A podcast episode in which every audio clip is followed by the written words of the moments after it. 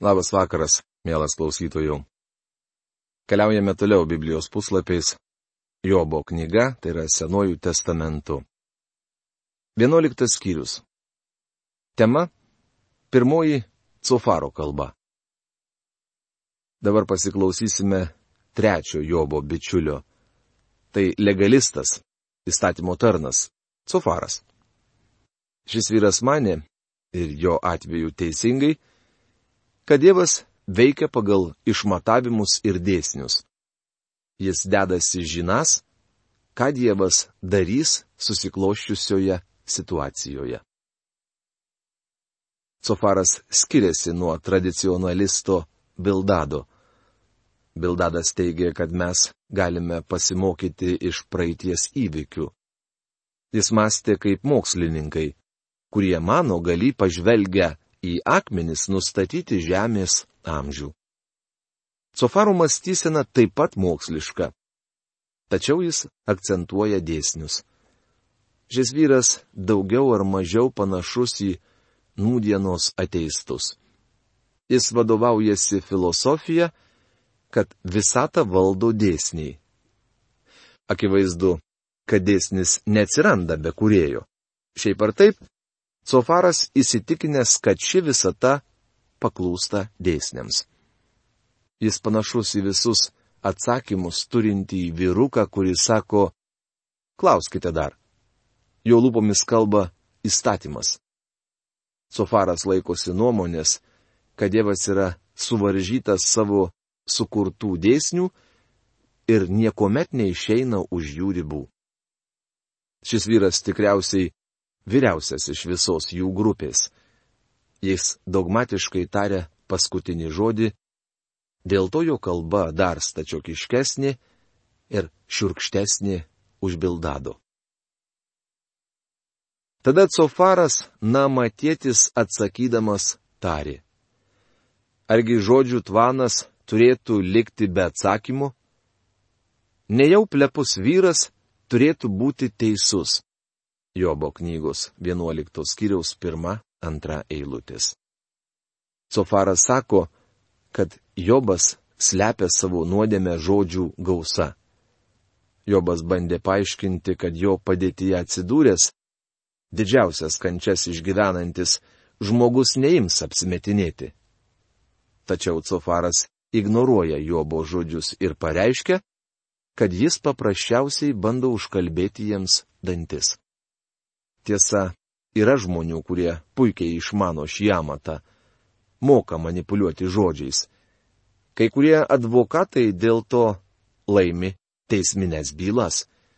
Tai susiję ne su teisingumo įgyvendinimu, bet su advokatų gudrumu ir sugebėjimu manipuliuoti.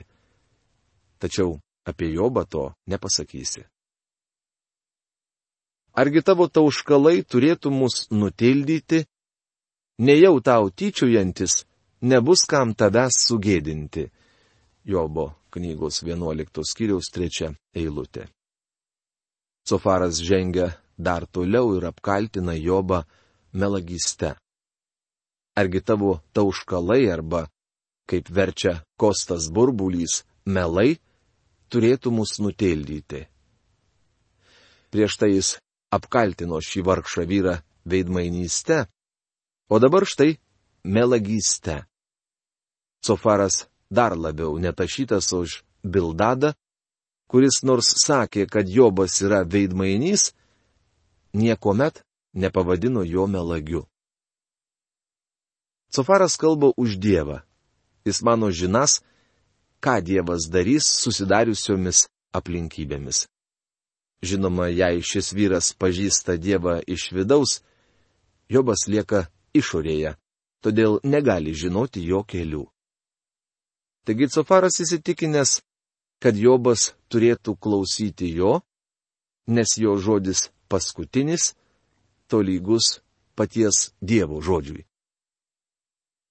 Juk tu sakai, mano mokymas tyras, aš buvau nekaltas Dievo akise Bet jei Dievas prakalbėtų, jis pats atvertų tau savo lūpas. Jobo knygos 11 skyriaus 4-5 eilutės. bet Dievas neprabyla. Todėl Cofaras kalba už jį.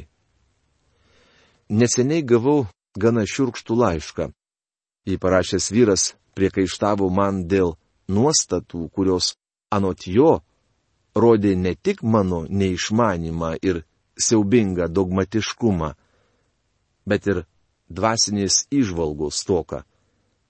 Savo laišką šis vyras pradėjo taip.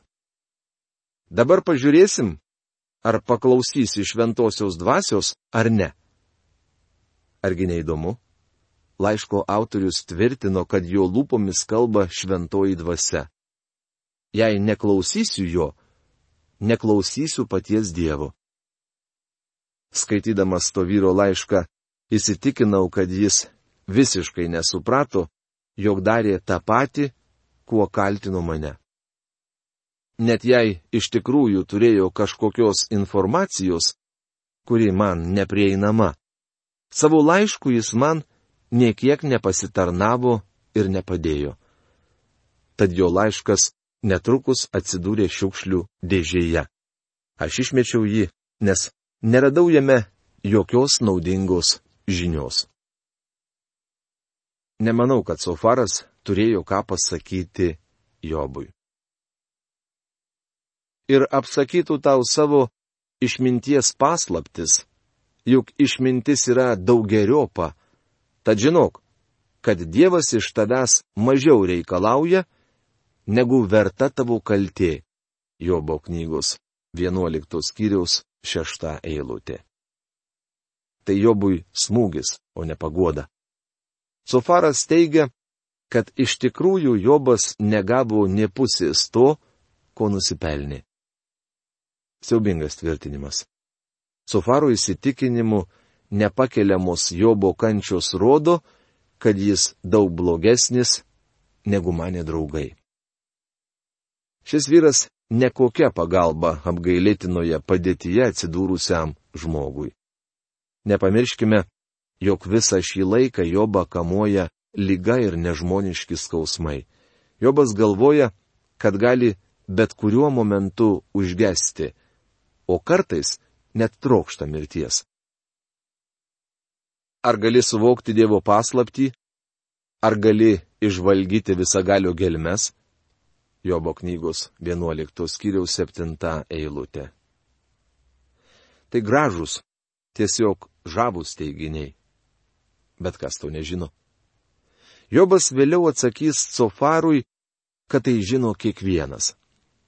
Ne vienas žmogus negali atrasti Dievo. Jis apreikštas. Apie Dievą jūs galite žinoti tik tai, ką Jis malonėjo mums apreikšti. Aš priejau išvadą, kad Dievas yra mums labai nedaug apreiškęs apie save. Tačiau netgi apreikštas truputis, kai kuriuos iš mūsų taip išgazdino ir supainiojo, kad darosi aišku, kodėl Dievas nepreiškia mums apie save daugiau neįmanoma atrasti Dievo, kaip Kolumbas atrado Ameriką. Taip pat nerasite jo, paleidę į atvirą erdvę dirbtinį Žemės palydovą. Pamenu, ankstyvosiomis kosminių tyrimų dienomis rusai neaptiko Dievo, todėl išspausdino laikraščiuose, kad jo nėra. Mes galime paleisti į atvirą erdvę mažus mechanizmus, tačiau jie nepadės mums rasti Dievo. Absurdiška manyti, kad žmogus savo pastangomis gali aptikti visagali kurėję Dievą. Dievo nepamatysite nei per mikroskopą, nei per teleskopą. Jis turi apsireikšti žmogui. Sofaro teiginys teisingas ir gilus, tačiau šis vyras nepasako Jobui nieko naujo jos gilesnės už dangų ir ką tu gali padaryti? Jos gilesnės už šeolą ir ką tu sužinosi?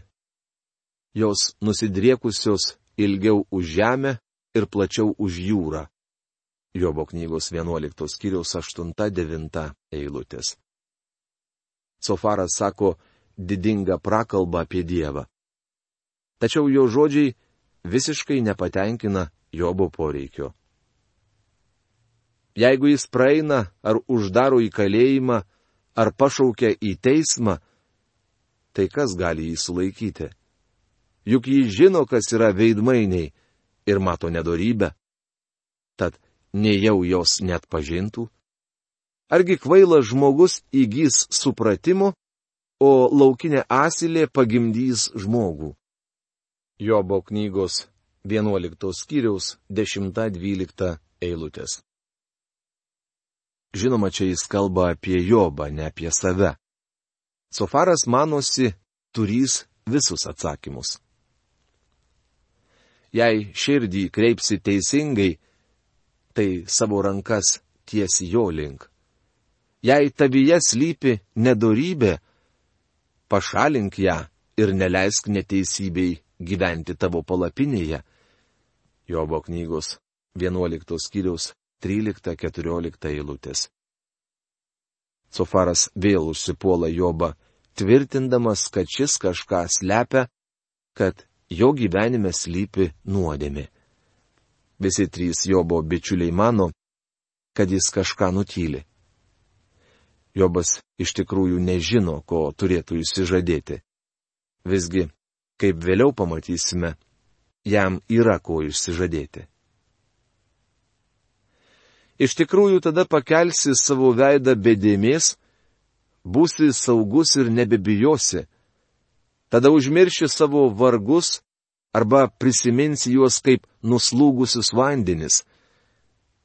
Tavo gyvenimas bus šviesesnis už vidurdienį, o tamsiausios gyvenimo valandos švies kaip aušra. Jobo knygos 11 skyriaus 15-17 eilutės. Sofaras sako, jei tik paliktum nuodėmę, kuri yra tavo gyvenime ir liautumėsi ją neigęs, Dievas išklausytų tavo maldas ir sugražintų tau gyvenimo džiaugsmą. O nedorųjų akis apsiblaus. Kelio išsigelbėti jie rasti nepajėgs. Jų vienintelė viltis - laukti mirties. Jobo knygos 11 skyriaus 20 eilutė. Baigdamas, Sofaras sako Jobui, jei neišpažinsi savo slaptos nuodėmės, tavęs laukia dievų teismas. Jis pranašauja, kad Jobo ištiks galutinė bausmė. Tuo baigėsi Cofaro pasisakymas, kuris iš tikrųjų yra ne kas kita, o eilinė ataka prieš Jobą. Visi trys draugai jau tarė savo žodį. Jobo atsakymas jiems bus viena iš ilgiausių kalbų šioje knygoje. Taigi Jobo knyga 12-14 skyriai ir tema - Jobas atsako trim draugams. Ilgas Jobo atsakymas, kurį skaitome šioje knygos dalyje, baigia pirmąjį pasisakymų ciklą. Prisiminkite, kad Jobo dienomis žmonėms patikdavo stebėti intelektualias varžybas, kuomet vyrai savo protu susiremdavo vienas su kitu. Šiandien sportinėse varžybose svarbiausia ne protas, o raumenys. Tada Jobas atsakydamas tarė. Iš tikrųjų jūs ypatingi žmonės ir išmintis mirs jums numirus. Jobo knygos 12 skyriaus 1-2 eilutės. Čia skaitome sarkastiškus ir, sakyčiau, labai taiklius žodžius. Jobas sako, jūs vyrukai manote, turi visus atsakymus. Jūs ypatingi žmonės. Ir išmintis mirs jums numirus.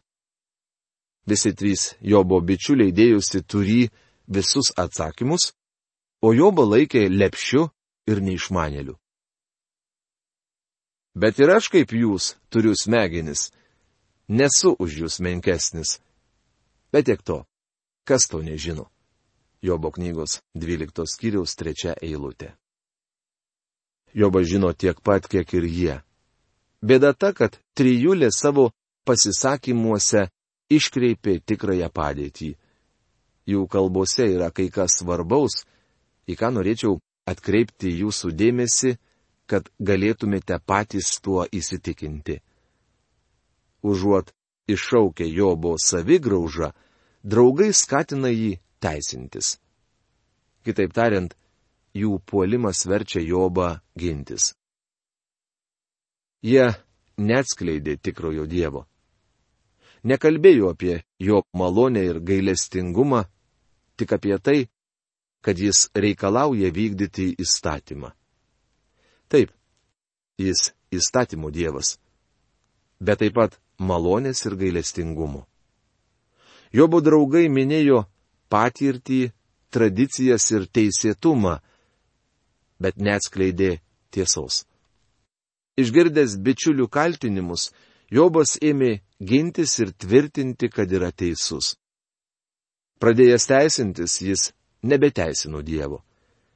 Iki šiol atrodė, kad Jobas tvirtina, jog Dievas neteisus ir nusipelno kritikos. Šiandien tos nuostatos laikosi daugelį žmonių, net krikščionių. Draugų kalbos turėjo padėti Jobui pasmerkti save ir išteisinti Dievą. Dievas užrašė visus Jobo ir jo bičiulių pasisakymus savo žodyje, kad atskleistų šią tiesą. Jobo ištarmės parodys, kad jis toli gražu nebuvo palūžusios dvasios ir nusižeminusio proto kaip žmogus, nuolat pasiliekantis Dievo artume. Draugai netvedė jo iki tokio taško, kad jis kartu su Pauliumi galėtų pasakyti, aš žinau, kad manyje, tai yra mano kūne, negyvena gėris. Kaip rašoma romiečiams laiško 7 skyriaus 18 eilutėje arba Dievo malonė esu, kas esu, kaip užrašyta pirmame laiške korintiečiams 15 skyriuje 10 eilutėje. Šiandien daugelis krikščionių puikuojasi savimi, savo darbais ir tuo, kad gausiai aukoja. Atrodytų Dievas yra prieimėjas, o jie davėjai. Tarsi jie būtų viršesni už Dievą. Bičiuli, mes neteisingai liudijame Dievą. Nesvarbu, kad pasakojame žmonėms apie Jėzų, jei neatsistojame į pasmerktųjų vietą, o Dievo neišteisiname, negirėme jo ir negarbiname. Štai tokią svarbę pamoką gauname studijuodami šią knygą. Tapau pajoką savo bičiuliams. Tas, kurį Dievas išklauso, kai jo šaukėsi, yra teisus ir bepriekaištų žmogus. Tai pajoka. Savimi patenkintieji niekina nelaimę. Jie ištinka tuos, kurių kojos dreba. Jobo knygos 12 skyriaus 4-5 eilutės. Jobas siaubingai pasiligojęs, tačiau priešinasi šiems trim vyrams. Jis sako jiems, gyvenate gerai ir patogiai, tad galite man patarinėti, o mano kojos slysta. Aš griūnu, bet jūs visai neturite man ką pasakyti. Daugelį metų tarnavau pastoriumi ir dabar žinau, kaip greitai mumise susiformuoja profesionalus požiūris. Nueidavau, būdavo į ligoninę aplankyti sergančio, gal net mirštančio žmogaus. Patapšnodavau jam per ranką tardamas, Dievas jūsų nepaliks. Pasimelsdavau už jį, padrasindavau, Dievas jūs ves ir išeidavau. Bet štai išaušo diena, kai atsidūriau ligoninėje nelankyti kitų, bet pats pakirstas lygos. Kai kas nors ateidavo, pasimelsdavo su manimi ir išeidavo, aš likdavau lovoje. Bičiuli, noriu pasakyti, kad tai visai kas kita. Atsidūriau kito žmogaus kailyje, gulėjau lovoje ir laukiau operacijos. Tokiu metu norisi, kad kas nors padėtų jums ir paguostų. Štai ko reikia Jobui. Likusioje skiriaus dalyje Jobas toliau dėsto, kad jo draugai netokie jau išmintingi. Ne jie vieni žino šitą apie Dievą. Jobas taip pat nusimano apie Dievo galę žmogaus gyvenime. Dabar šis vyras kalba kandžiai ir sarkastiškai. Jo bičiuliai niekiek jam nepadeda, tad Jobas nori kreiptis tiesiai į Dievą. Taip, savo akimis visą tai mačiau, savo ausimis tai girdėjau ir suvokiau. Ką jūs žinote, tai ir aš žinau. Nesu už jūs menkesnis. Jobo knygos 13 skyriaus 1-2 eilutės. Jobas žino visas tiesas, kurias jam išdėstė draugai. Jie nepasakė jam nieko naujo ir niekiek nepagelbėjo. Vis dėlto kalbėsiu visagaliui, aš noriu ginti savo bylą Dievo akivaizdoje. Jobo knygos 13 skyriaus 3 eilutė. Jobas norėtų aplenkti savo draugus ir kreiptis tiesiai į Dievą. Jis nori ginti savo bylą Dievo akivaizdoje. O kad kas nors būtų galėjęs tuo metu papasakoti Jobui apie Dievo malonę ir gailestingumą, užtikrinti šį vyrą, kad Dievas trokšta jam padėti. O jūs drapstotės melu, visi jūs netikę gydytojai. Jobo knygos 13 skyriaus 4 eilutė. Jobas pasikartoja sakydamas, kad bičiuliai neįstengė diagnozuoti jo lygos ir jam niekiek nepadėjo. Jie panašus į gydytoją, kuris diabetu sergančiam pacientui nori išoperuoti plaučius. Šie vyrai neperprato esmės. O kad jūs iš viso tylėtumėte, tai būtumėte išmintingi. Jobo knygos 13 skyriaus 5 eilutė. Jobas sako, kad geriausia jo bičiuliams būtų patylėti tai būtų kur kas išmintingiau negu visos tos kalbos. Tad išgirskite mano bylą, išklausykit priekaištus iš mano lūpų. Argi gindami Dievą jūs meluosite, dangstysitės apgaulėmis? Jobo knygos 13 skyriaus 6-7 eilutės. Jobas atsikerta savo draugams sakydamas, jog kaltindami jį padarius siaubingą nuodėmę ir tvirtindami, kad Dievas jį baudžia, jie Dievo naudai kalba apgavystę, verčia profesorius Algirdas Jurienas. Šie vyrai neatstovauja Dievo deramai. Jobas žino, kad jie nėra tiesioginiai Dievo įgaliotiniai. Jie būtų galėję pagelbėti Jobui, jei būtų padėję jam pamatyti save tokį, koks jis iš tiesų buvo. Tačiau trijulė privertė Jobą gintis. Tad dabar šis vyras teisinasi ir sakosi esas geras, taip versdamas Dievą blogu. Atrodytų, dėl visko kaltas Dievas. Mielas klausytojau, šiandien mūsų laidos laikas jau baigėsi, todėl mes turime šioje vietoje nutraukti mūsų apžvalgą. Ja pratesime kitoje laidoje. Iki malonaus susitikimo. Sudė.